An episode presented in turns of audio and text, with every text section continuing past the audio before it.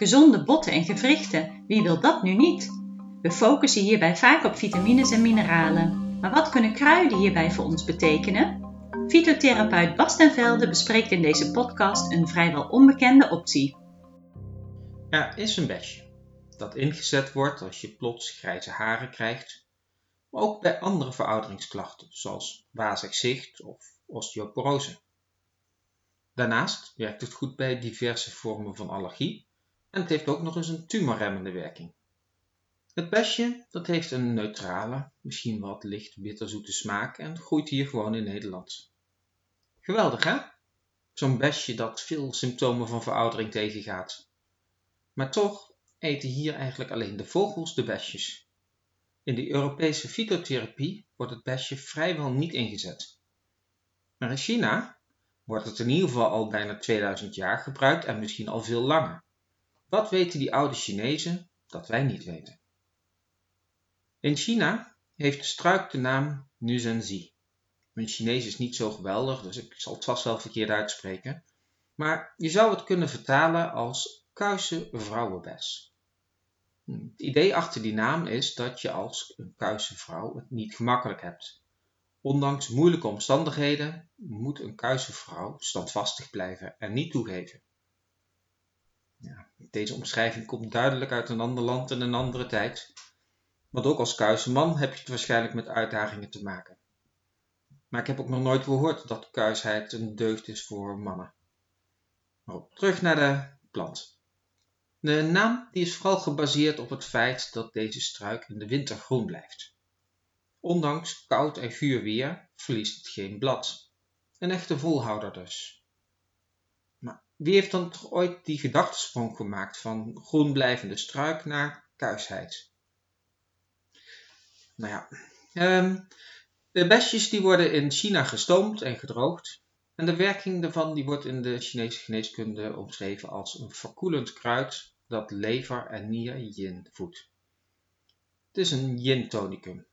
En daarmee wordt onder andere bedoeld dat het ons fysieke lichaam en de organen versterkt. En dit weten ze in China dus al bijna 2000 jaar.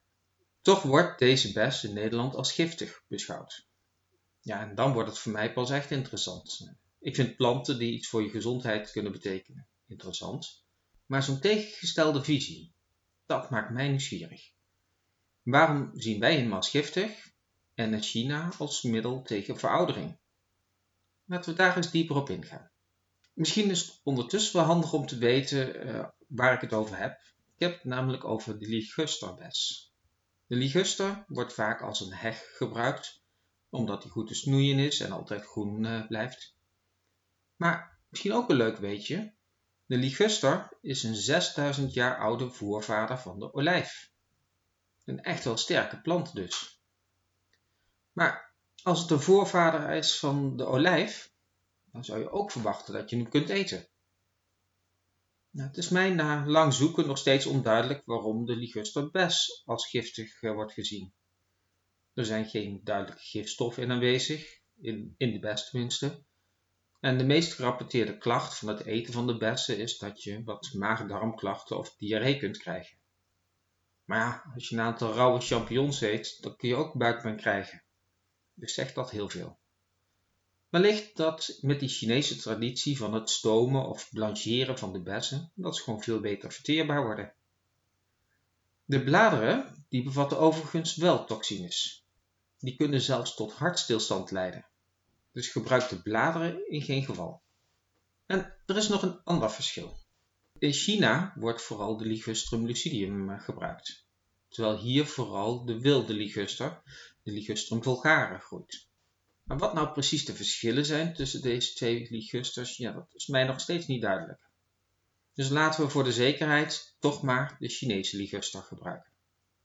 Maar even terug naar de werking van die ligusterbes, want in de TCM wordt deze bes traditioneel ingezet bij vroegtijdig grijs haar, wazig zicht maar ook bij broze botten en osteoporose. Dus heeft het gebruik van die ligusterbes um, bij de inzet voor sterkere botten, heeft die wel enige wetenschappelijke basis.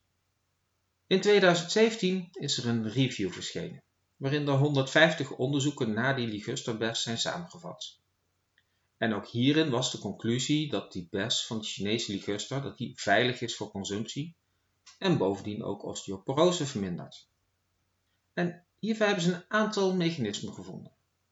Zo zorgt de ligusterbes ervoor dat er meer calcium in de darmen wordt opgenomen. Dus de calcium die je eet, die wordt beter opgenomen. En de uitscheiding van calcium via de nieren, die neemt af. Dus je neemt meer op en je gooit minder het lichaam uit. En dan neemt ook nog de opname van calcium in de botten toe. Wauw, dat is precies, nou ja, bijna precies wat je wilt voor stevige botten. Het enige wat je dan nog mist, dat is dat de botten ook flexibel moeten blijven. Bijvoorbeeld doordat er collageen in de botten wordt ingebouwd. Want botten breken gewoon minder snel als er van die flexibele eiwitketens, zoals collageen, in zitten. Dus die collageen, ja, die missen we eigenlijk nog. Maar wacht eens even, want in diezelfde review staat dat ook de aanmaak van collageen in die botten toeneemt, als je die ligusterbes inneemt. Dus dit besje, dat is zo'n beetje de heilige graal voor je botten. En wij laten die gewoon door de vogels wegkapen. Dus even samenvattend, eh, gebruik de ligusterbes dus niet rauw. Laat de bladeren lekker hangen en gebruik vooral de Chinese liguster, de Ligustrum lucidium, want die is het best onderzocht.